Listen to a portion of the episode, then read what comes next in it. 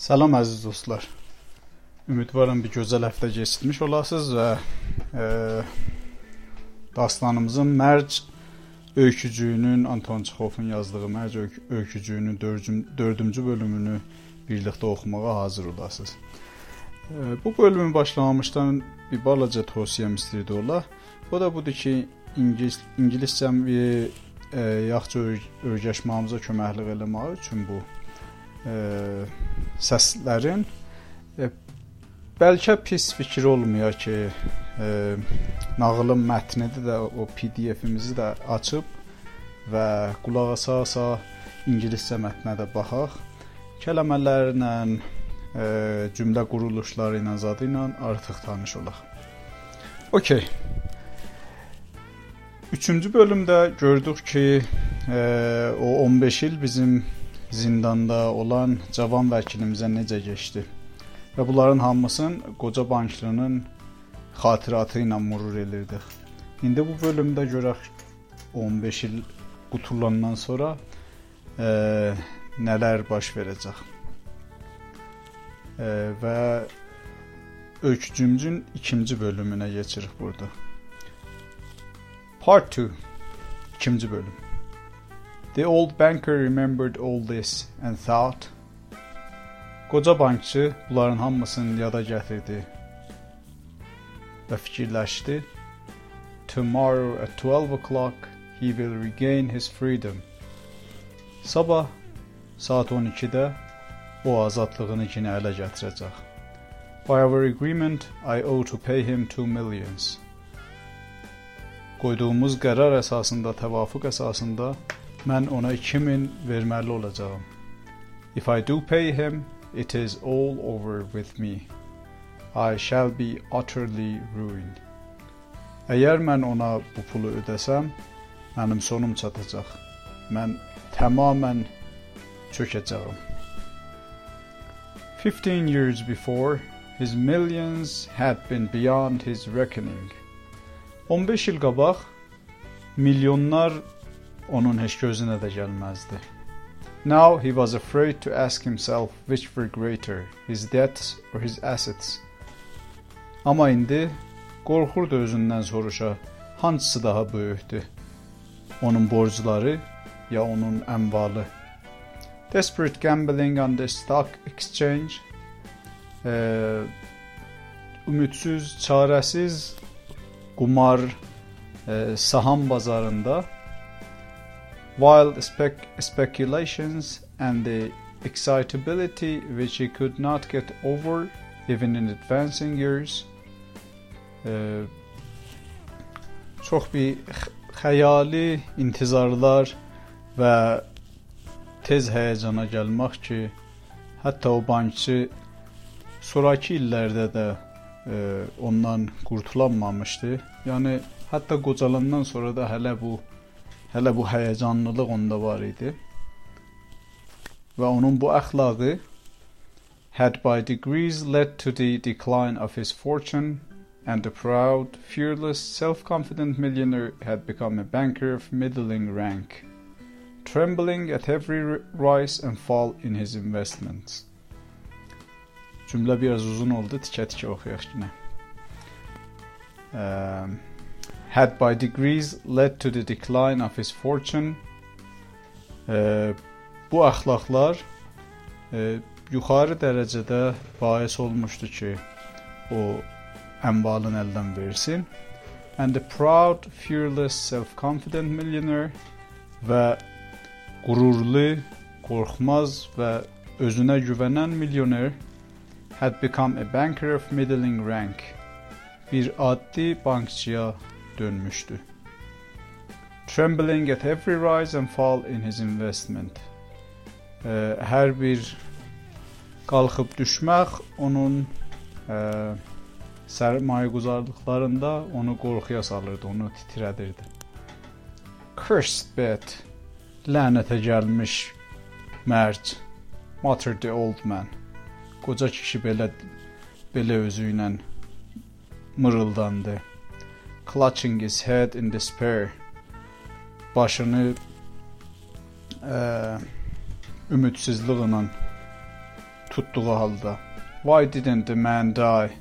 Niyə o kişi ölmədi? Niyə o ölmədi? He's only 40 now. O ancaq 40 yaşı var indi. He will take my last penny from me. O mənim axir qıranımacan məndən alacaq. He will marry. O evlənəcək. Will enjoy life. Həyatdan, yaşayışdan ləzzət alacaq. Will gamble on the exchange.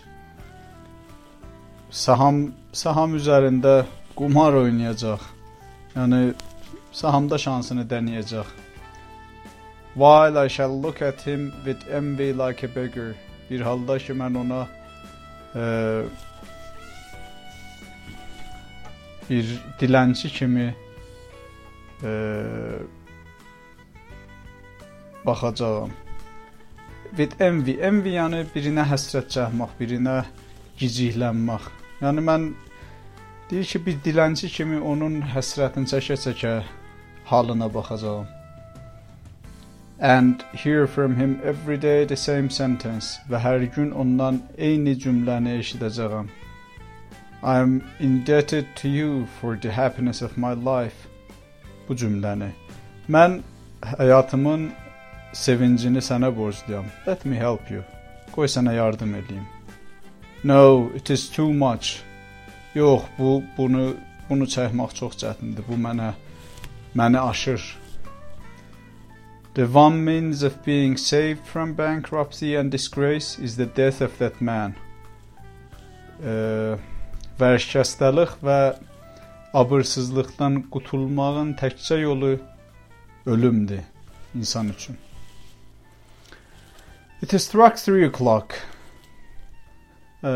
Saat saat 3-ü göstərdi. Saat 3-ün zəngi gəldi. It struck 3 o'clock. Niyə deyir struck 3 o'clock? Struck yəni çalmaq, yəni saat 3 çalındı. Çünki o qədimi saatlarda hər zaman 1 saat keçəndə saatdan səs çıxardı. Məsələn, saat 3 olanda 3 dənə zəng çalınardı. The banker listened. Bankçı qulaq asdı. Everyone was asleep in the house and nothing could be heard outside but the rustling of the chilled trees. Everyone was asleep in the house. Hamı evdə yatmışdılar and nothing could be heard outside və eşikdən heç bir səs eşidilmirdi but the rustling of the chilled trees. Ancaq e, ancaq aram ağacların xışıltısından soy. Trying to make no noise, bir halda çalışırdı heç səs salmasın. He took from a fireproof safe the key of the door which had not been opened for 15 years. Bir e, bir e, ateşə dayanan bir ota dayanan qav sənduqdan e, bir qapının kilidini götürdü ki 15 il idi açılmamışdı put on his overcoat, overcoatunu giydi əyninə and went out of the house və evdən çıxdı eşiyə. It was dark and cold in the garden. Bağ qaranlıq və soyuq idi. Rain was falling. Yağış yağırdı. A damp, cutting wind was racing about the garden. Bağın içində bir e, rütubətli və kəskin bir e, iti bir e, yel əsirdir.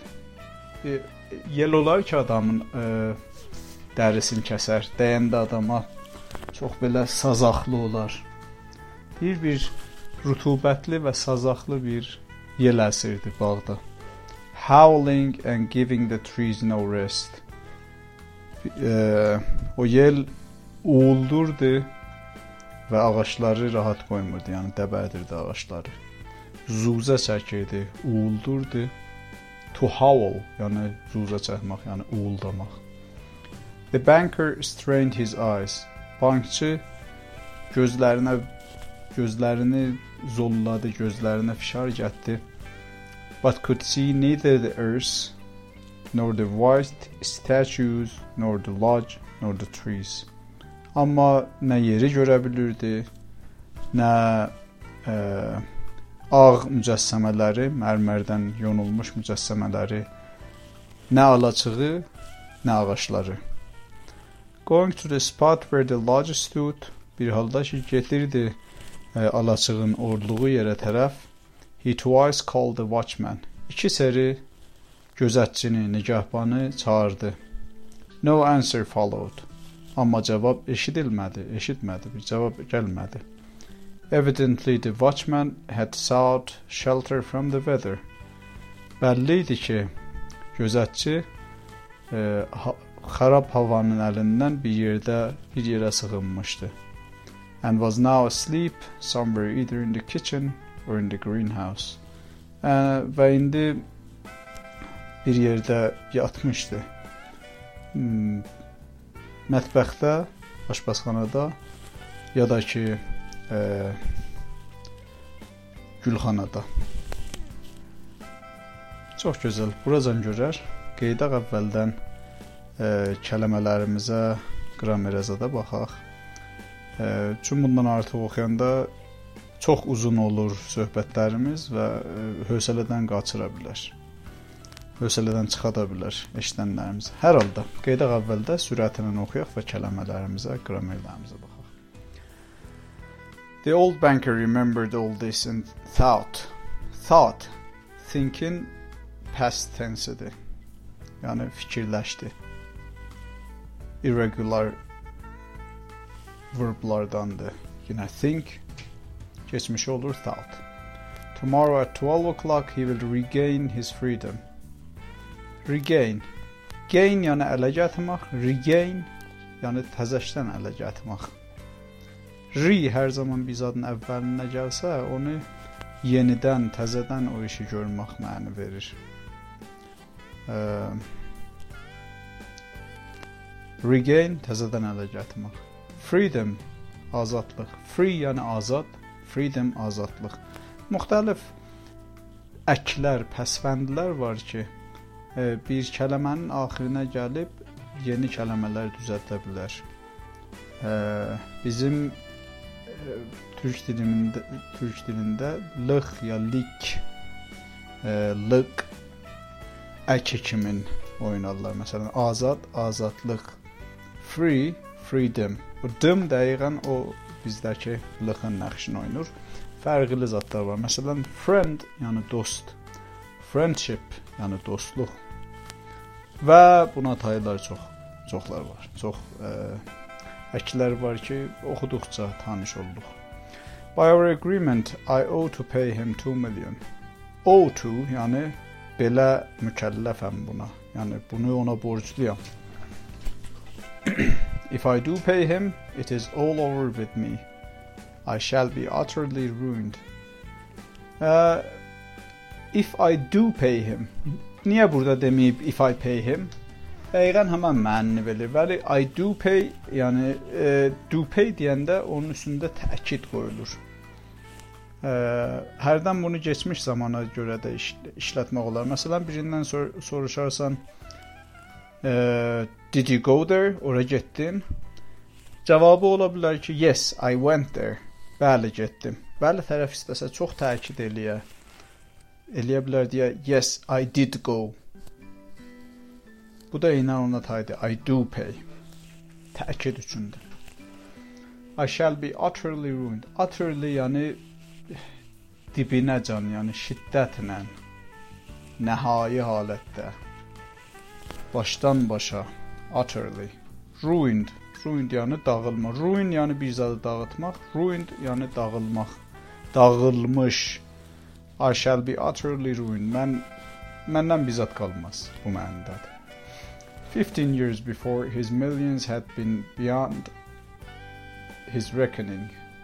Bunu keçən qismətdə dedik. Something to, to for something to be beyond so, uh, someone's reckoning, yəni bir şeyin bir nəfərin heç gözünə gəlməməsi. His millions had been beyond his reckoning, yəni onun milyon, o qədər milyonçu idi ki, o qədər pullu idi ki, milyonlar gözünə gəlmirdi. Bizim öz dilimizdə necə nə mənə deyərik? Deyərik milyona pul deməz. Mhm. Tərəf milyona pul deməz, yəni milyon gözünə gəlməz. İngilis dilində deyirlər it is beyond his reckoning. Now he was afraid to ask himself which were greater, his debts or his assets. Asset, asset yəni darayi, mayəmlək, var dövlət. Var desperate gambling, desperate yəni ümidsiz, çarəsiz. Ə, bir halda ki, bir nəfərin əli ər yerdən üzülə, onun o ümidsiz təlaşına, təlaşı məzbuhanə, desperate gambling, qumar məzbuhanə, naçar qumar, çarəsiz qumar, ümidsiz qumar, gambling. To gamble yəni qumar oynamaq, gambling yəni qumar, qumar oynamaq. And the stock exchange, stock yəni e, saham, stock exchange yəni saham bazarı. Wild speculation. Speculation yəni ümid bağlamaq bir zada, bir zada intizarını çəkmək. Wild da qabaqca da dedim, vəhşi filan zad mənası var. Bəli, qızğın anlamı verir burada. Wild speculations yəni bir bir zada çox belə həyəcanla ümid bağlamaq.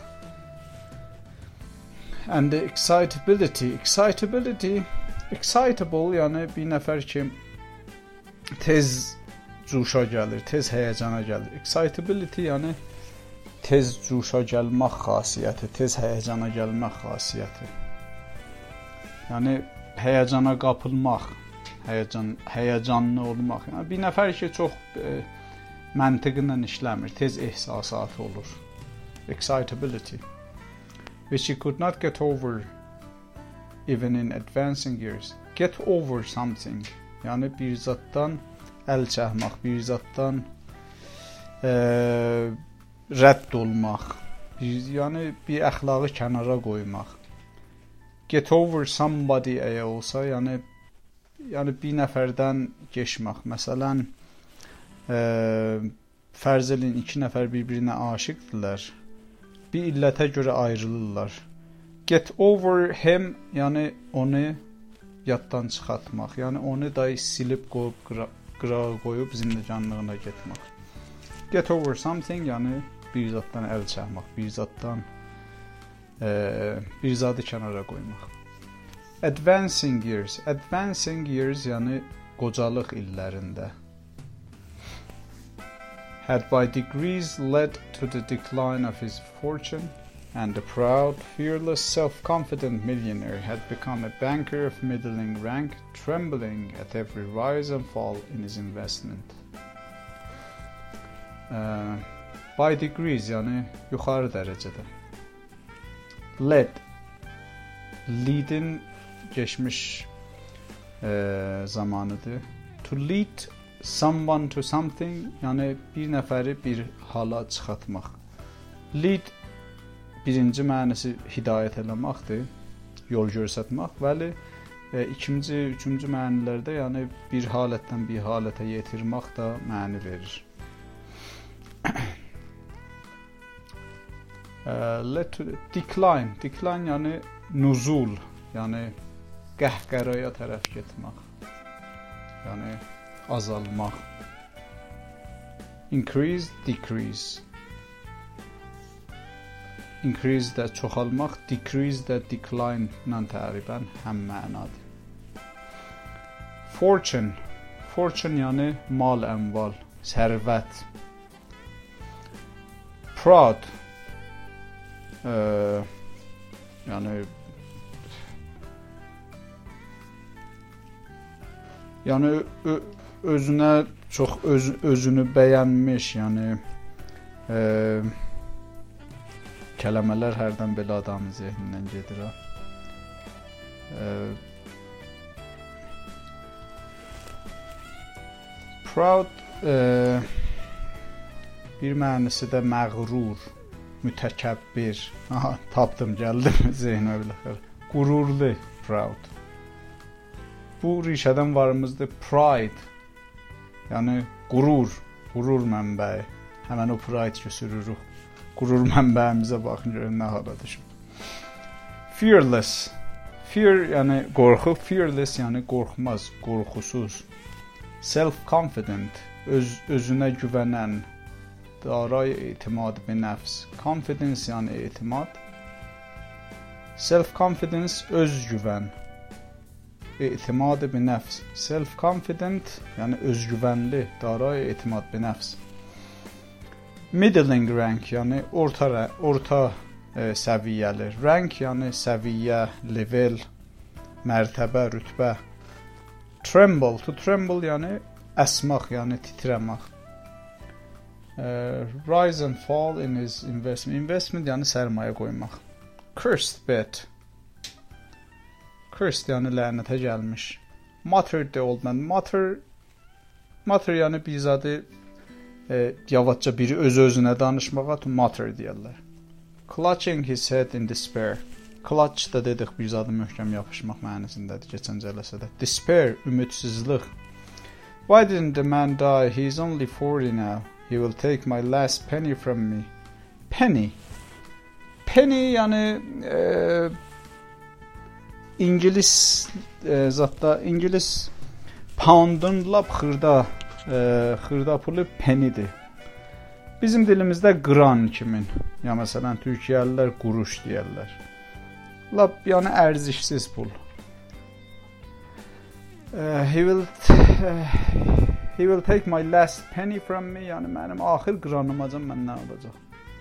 We will marry, will enjoy life, will gamble on the exchange. Exchange görürsüz burada böyük i ilə yazıb. Əgər xırda i ilə yazsaydı fe'l məni verə bilərdi. Yəni bir zadı bir zadla əvəzləmək. Bəli, böyük i ilə ki yazıb yenə mənzuri səham bazarıdır.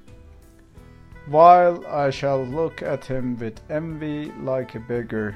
Envy, yəni həsrət, yəni gicik um, like a beggar beggar beggar yəni dilənçi yolçu. To beg yəni bir zadın il iltimas eləmək. Məsələn please forgive me i beg you. Lütfən məni bağışla. Sənə iltimas edirəm ayağa düşürəm. Beggar yəni bir nəfər ki daim iltimas edir. Yəni dilənir dilənçi. And hear from uh, him every day the same sentence I'm indebted to you for the happiness of my life. Indebted, debt. Debt yani D-E-B-T. Bir de burada mute görürsünüz debt. Da debt demirik deyir debt. Debt yani borç. Debted yani borçlu. Indebted yani borçlu. For the happiness of... Aa, burada görürsünüz eyni nes. Nesdə eyni o dam kimin həmən o lıq mənasındadır o əklərdə. Happy yəni sevincli, xoşhal. Happiness yəni xoşallıq.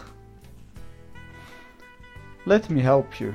No, it's too much. The one mean, means of being saved from bankruptcy and disgrace is the death of that man. Means yəni vəsilə. The one means yəni təkcə vəsilə, tək vəsilə. Bankruptcy, bankruptcy yəni vərşikəstəlik. Disgrace, disgrace yəni abırsızlıq. It struck three o'clock. Bunu tozih verdim. The banker listened. Everyone was asleep. Asleep. Asleep. Bir dənə ey gəlir sleepinə və to sleep yəni yatmaq, asleep yəni yatmış, yuxuda. In the house, and nothing could be heard outside but the rustling of the chilled trees. Rustling yəni xışıltı. Ağacın ağaçdan ağaçlardan gələn xışıltı. Chilled.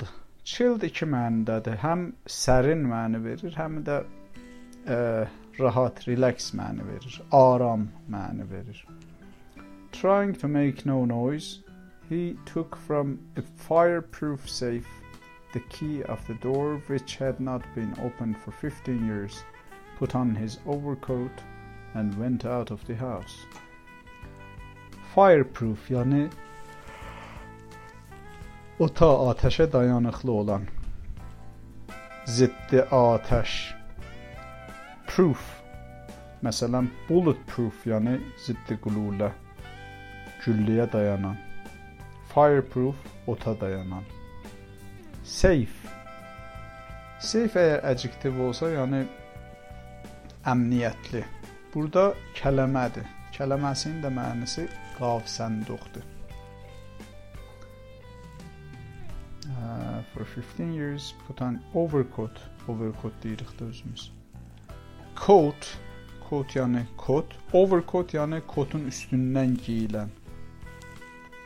Yenə overcoat deyirik. Baxsaz o məxsusən qədimi filmlərə ə, görərsiniz Avropada belə geyinirlər. Kotu geyir, üst altından cılıqqa geyib, üstündən kotu geyir, kotun da üstündən overcoat-u geyir. Overcoat adı üstündə, yəni kotun üstündən geyilən. It was dark and cold in the garden. Rain was falling. A damp, cutting wind was racing about the garden. Damp, damp yəni rütubətli. Çoxu bu dampi məsələn zirzəmiyə zada görə eşidərsiniz. Yəni e, bir yerə gedərsiniz, bir qol farsı deyirlər, buya namidir, yəni rütubət iyi gəlir oradan. Damp o mənadadır. Cutting wind, yəni kəsici, iti yel. Adamın dərisini kəsən yel. Was racing about the garden. To race yəni müsabiqə vermək. E, re, burada yəni oradan bura getmək mənada verir. Yəni əsirdir bağın içində o yel. Howling. To howl yəni ulamaq, yəni zuzə keşidən qurdun səsinə deyirlər howling. Burada burada zat üçün işlədib, yel üçün işlədib. Yəni bad zuzə mi keşid. Bad zuzə mi keşid. Yəni o yel orada uluya uluya gəzirdi. Yelin səsini ulamağa təşbih edir. And giving the trees no rest. The banker strained his eyes. Strain his eyes yəni fişar gətdi gözlərini. Adam gözlərini yığar, istəyər biz adı yaxşı görsün o halətə deyir. Strain his ears ayədir, yəni qulaqlarını zolladı, gözünü zolladı. Burada. But could not see neither the earth, nor the white statues, nor the lodge, nor the trees.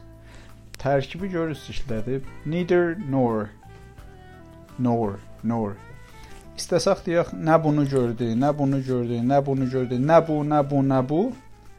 Birincinə neither gələr, qalanlarına nor.